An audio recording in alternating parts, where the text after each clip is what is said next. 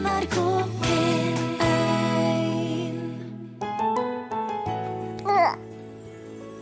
Om du ikke har vært religiøs før du sitter med et lite barn på fanget, så har du stor fare for å bli, for å si det sånn.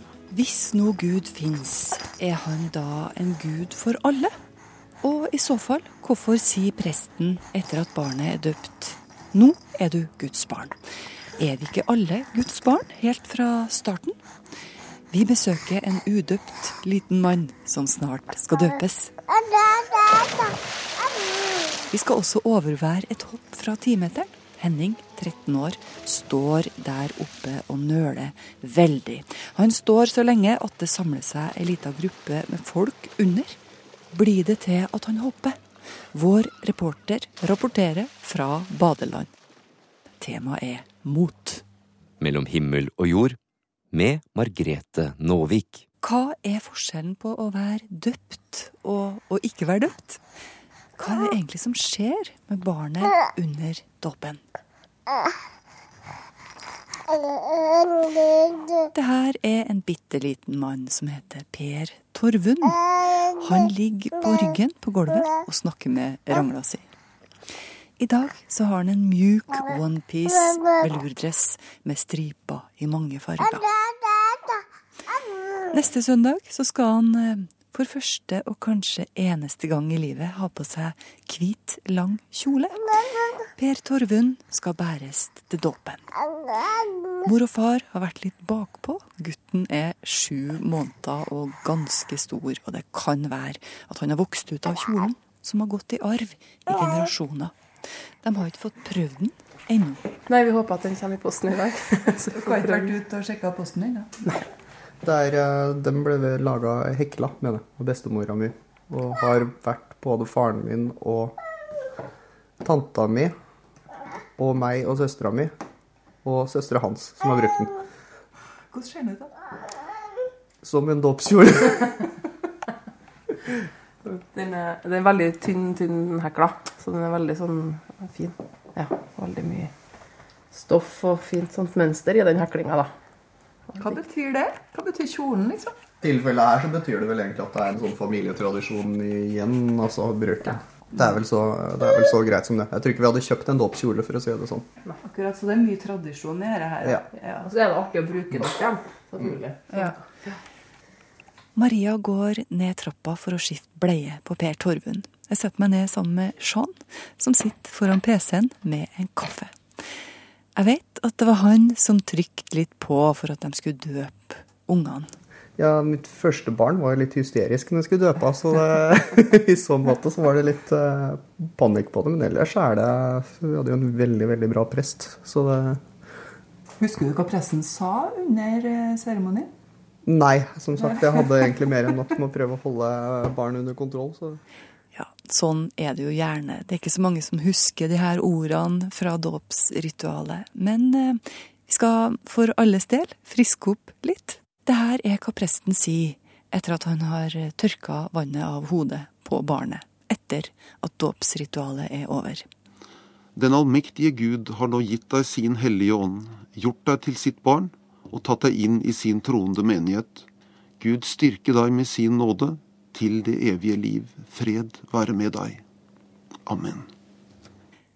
Så er da spørsmålet er vi ikke alle Guds barn fra fødsel, og kanskje til og med før det? Tja, det er vel et spørsmål som jeg er litt grann usikker på hvordan jeg skal svare på. Altså Hvis du skal se på det i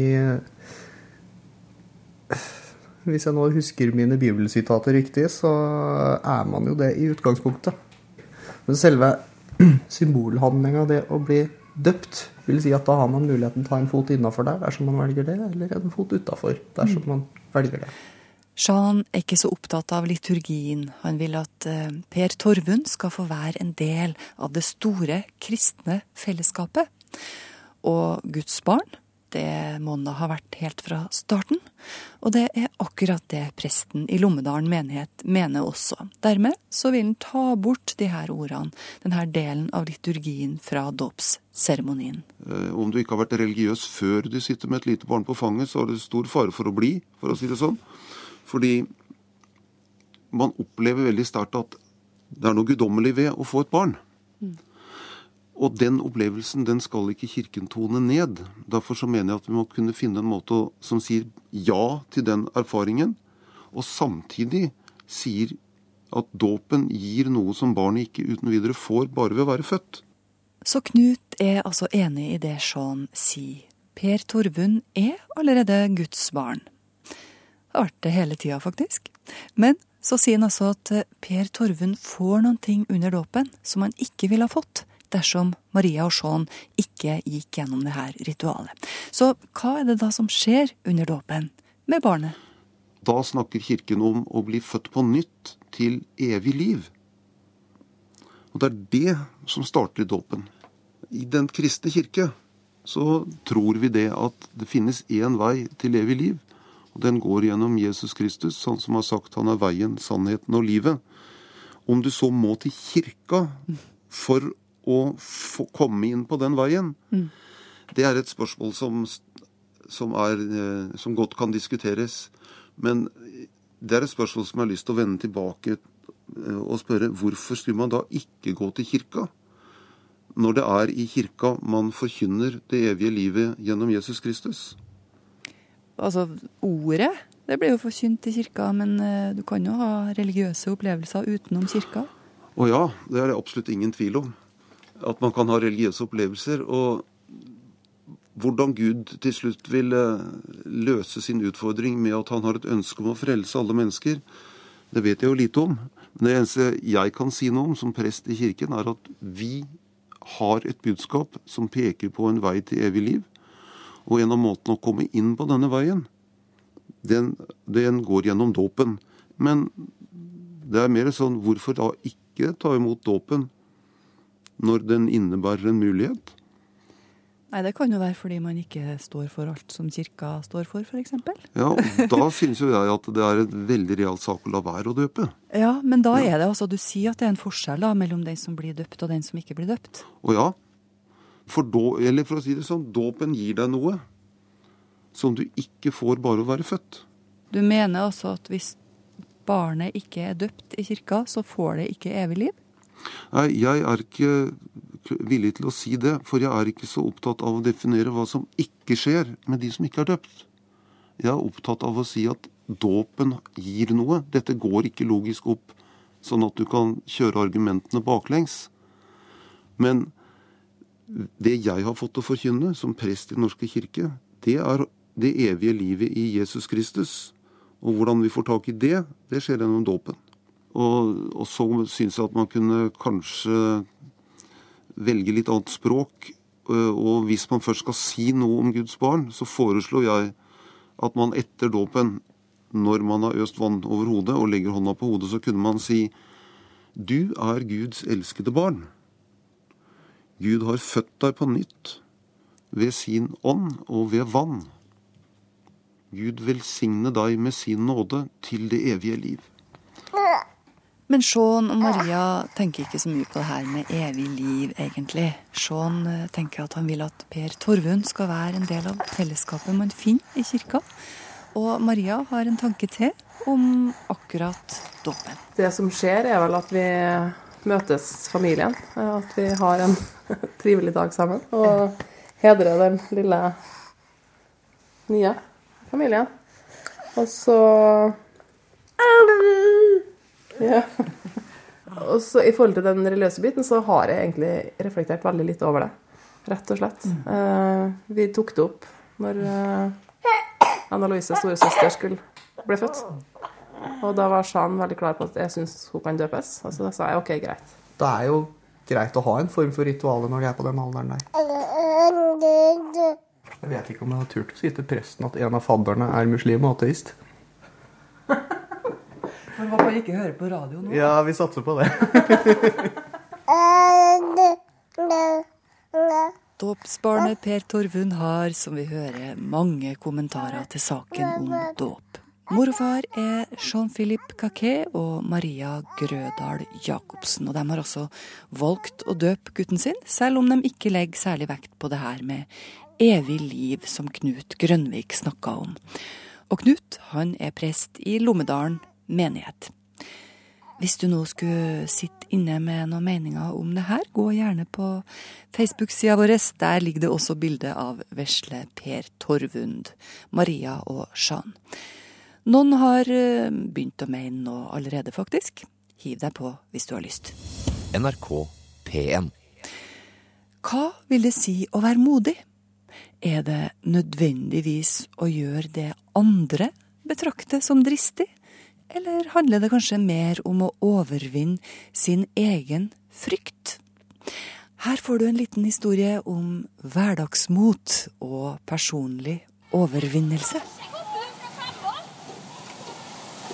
Vannsprut og kropper i alle fasonger. Innendørs badeliv med en grå og iskald fjord utafor de svære vinduene. Ved 50-metersbassenget rager fem knallblå stupetårn, og på toppen av det aller høyeste står det en guttunge som tydelig strever mellom tvil og tro. Tør han det her? Vi er flere som har begynt å følge med gutten nå, for han har allerede romstert oppå der i mange minutter. Vi føler med nå, for ti meter er høyt.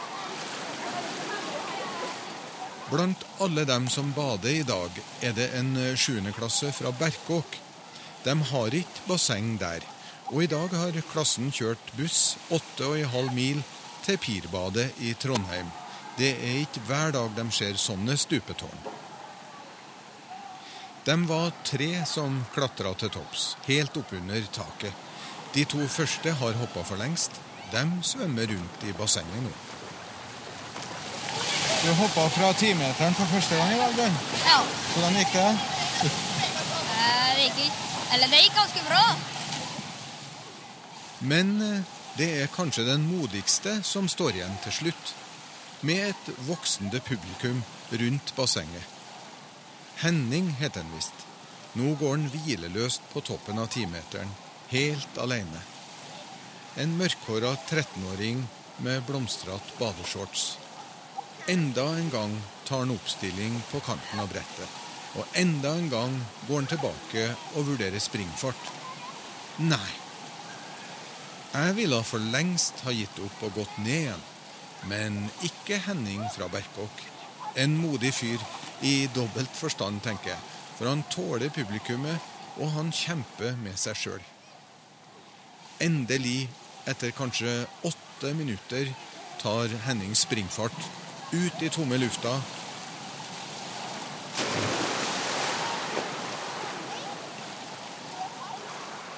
Han kommer opp av bassenget alvorlig, litt rød på begge armene, men veldig fornøyd.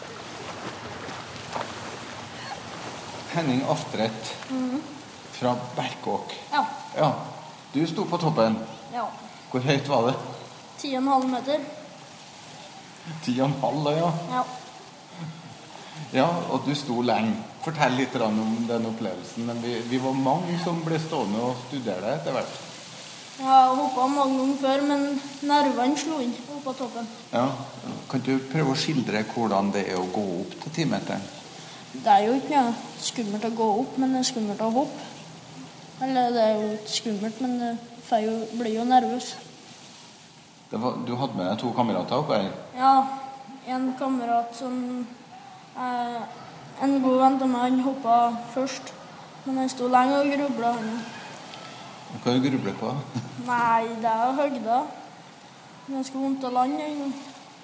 Hvordan så det ut fra oppå kanten der du sto? Nei, ganske høyt. Så ut som det var vann her i hele tatt. Det var, så ut som det var bare selve bassenget. Begge de kompisene mine som var med oppe, han fikk nerver. Han, også. Hvis du hadde vært nødt til å rygge tilbake og gå ned stigen igjen, gå ned trappa igjen, Ja. hva, hva, hadde, hva hadde det hatt å si for deg etterpå? Nei, det har egentlig ikke hatt så mye å si. Det er jo Jeg tror ikke jeg har kommet til å bli erta for det. Er det viktig å tørre? Nei. Det er bare den som vil. Kunne, jeg har jo kunnet gått ned hvis jeg ville, men jeg ville jo prøve i dag òg. Dette med å være modig, Ja. føler du at du er modig? ja, både ja og nei. Det er jo, det er jo ikke mange på min alder som tør å hoppe derifra. Men, men snakker dere kamerater noen ting om dette med hvem som er modig, og hvem som ikke er modig? Nei, det er ikke så mye det. Det er noe Det er noe den som oss ertegjort, eller småbygjort, den som ikke tør. Det får jo bestemme det helt sjøl. Har et ganske godt eller sånn forhold i klassen, sånn venner. Så er det ingen som mobber hverandre. Klarer du å huske på akkurat det øyeblikket hvor du klarte å feie all tvil til side og bare kaste deg utfor? Ja, Eh, talt til tre. Så tok jeg springfart, så hoppa jeg. Var, Og hva var det som fikk deg til å gjøre det akkurat da, og ikke før? det var at jeg bare sto der og tenkte ganske lenge på at uh, det her skal jeg gjøre. Men jeg skal tenke meg litt om først. Og gjøre.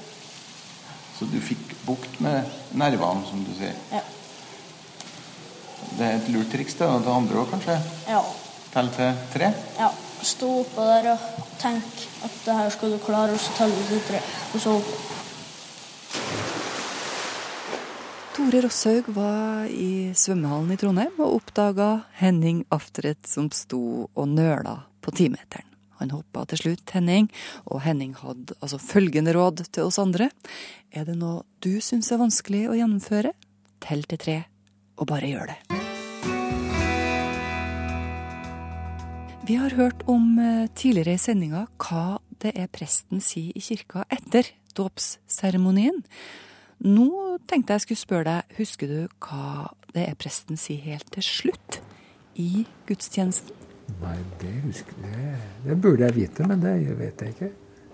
Gå i fred. Nei, velsignelsen Herren velsigne deg. og forlate deg. Herren la ditt ansikt lyse over deg og være Gud velsigne min Nei, hvordan begynte det? Ansikt lyse over deg.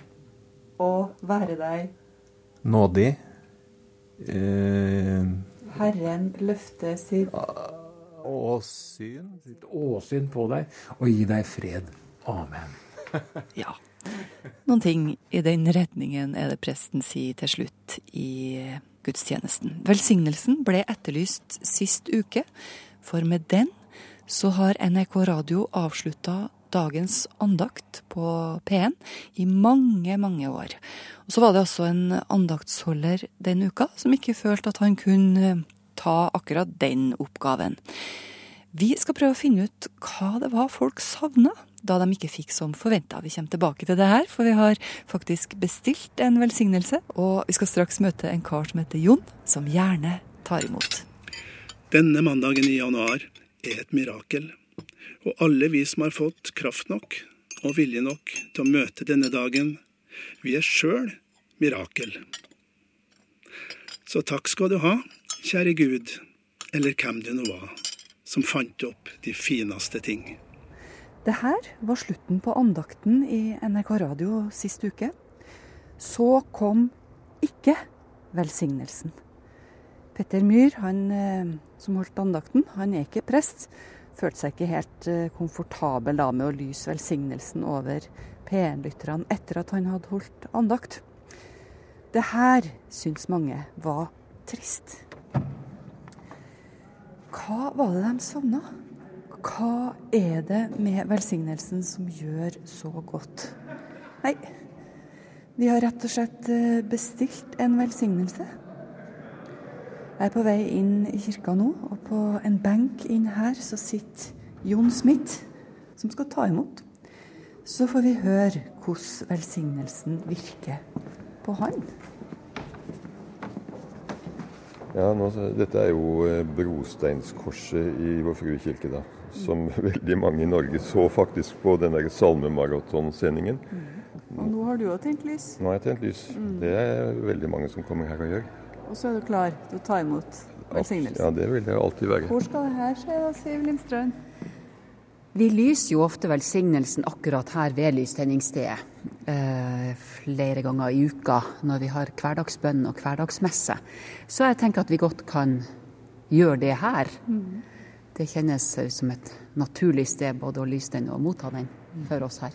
Mm. For meg er det en av de viktigste punktene i gudstjenesten, faktisk. Det er en, jeg syns det er veldig fint fordi at eh, det, Jeg reiser meg, ikke sant. Så det er noe sånn kroppslig ved det. Og selv om jeg da skulle sittet hjemme og bare hørt det, og ikke reist meg i og for seg, så tror jeg at jeg kjenner meg at jeg på en måte reiser meg inni meg. Og så er det noe med dette at det, den her eh, teksten som kommer til deg utenfra At det er noen som eh, Et du, da. En Herren. Som vil deg vel, og som lyser dette gode over deg som en kraft. Og det er noe med dette med ansiktet også. Det er en gammel tekst. ikke sant? Den er vel snart 3000 år gammel. Og det er jo også noe. Altså Den har vært lyst over mennesker i 3000 år, og du har på en måte følelsen av at du står i en uendelig rekke av mennesker som har fått denne velsignelsen.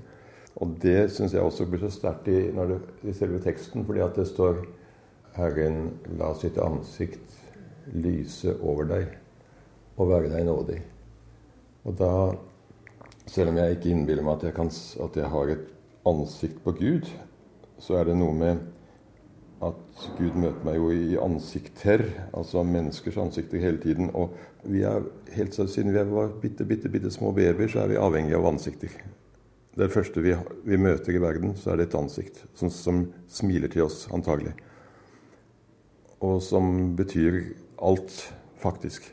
Altså ansiktet til, en, til, et annet menneske. Så du og, tenker at du ser Gud i det? Ja, jeg tenker at jeg ser Gud i det. Og så tenker jeg at dette er noe enda større på en måte, som måte samler alt dette med den andre.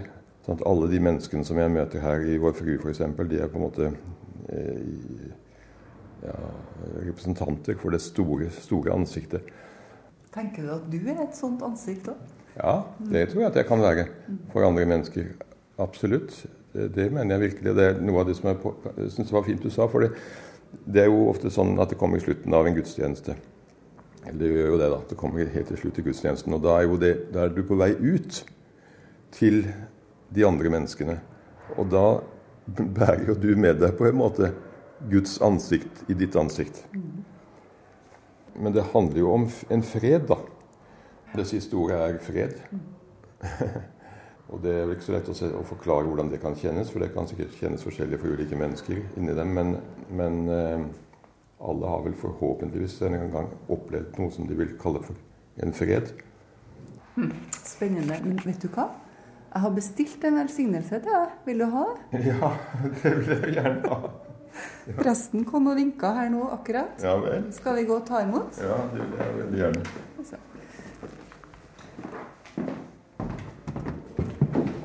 Altså. Hei. Vi hadde bestilt velsignelsen. Ja, ja, du skal få den. Vil du ha den nå? Ja, takk. Ta imot velsignelsen. Herren velsigne deg og bevare deg. Herren la sitt ansikt lyse over deg og være deg nådig. Herren løfte sitt åsyn på deg og gi deg fred. Ja, merka du noe forskjell? ja, jeg merker at uh at jeg, at jeg blir glad, kanskje. Sånne ting har jo veldig med hvem, hvor du er akkurat da, og hvem du er akkurat det øyeblikket. Men det er, en, en, noe, det er noe, godt med den, altså. Mm. Alltid. Ja. Alltid. Jeg syns liksom jeg så at du eh, du tok litt tid for å sette deg sjøl i riktig mm. stemning mm. når du skulle si den. Mm. Merker du at stemningen endrer seg i kirka når du lyser velsignelsen? Altså, det er jo altså, det er jo et veldig kraftfullt uttrykk. Ikke sant? Mm. Og når jeg står her eh, som prest, enten nå i sivil eller, eller, nettopp på torsdagene da, i, i prestekjolen, så, så eh, jeg står jo på et vis planta i, i, hele, i, hele, tradisjonen og hele det kristne fellesskapet. Og, og, og det blir et veldig sånn fokuspunkt. Altså man, og man bare kjenner at men det her det tuller vi ikke med, altså. Det her er det her kjennes veldig veldig reelt. Vi, vi, kjenner det går i kroppen, vi kjenner vi trenger det. Eh, vi, vi, kjenner at vi vender oss imot den. ikke sant? Og, og jeg kjenner det òg når jeg mottar den, når den blir lyst over meg. Eh, men det er klart det er et veldig spesielt eh, oppdrag, eh, eller ei gave, å få lov til å lyse den. Det, det kjenner jeg flere ganger i uka. Jeg tror at hvis jeg var prest, så ville det være noe av det, det fineste jeg gjorde som prest. Lyse velsignelsen over folk, det tror jeg virkelig, altså. Ja, Det sier Jon Smith, der han står i rød genser i Vår Frue kirke i Trondheim med kroppen full av velsignelse. Presten som eh, tok imot og behandla vår bestilling på beste vis, er Siv Limstrand. Har du tips og triks til oss, eller klapp på skuldra, eller spark på leggen? Send oss en e-post på himmel og jord, krøllalfa, nrk.no. Vi legger også ut eh, en del bilder og sånt på Facebook-sida vår, NRK Livet. Og du kan kommentere og gi oss beskjeder der også. Her fra radioen sender vi nå ut ønsker om eh, en bra dag, særlig til deg som er mor, kanskje, for det er visst din dag i dag. Vi tar med alle som har eller har hatt en mor også.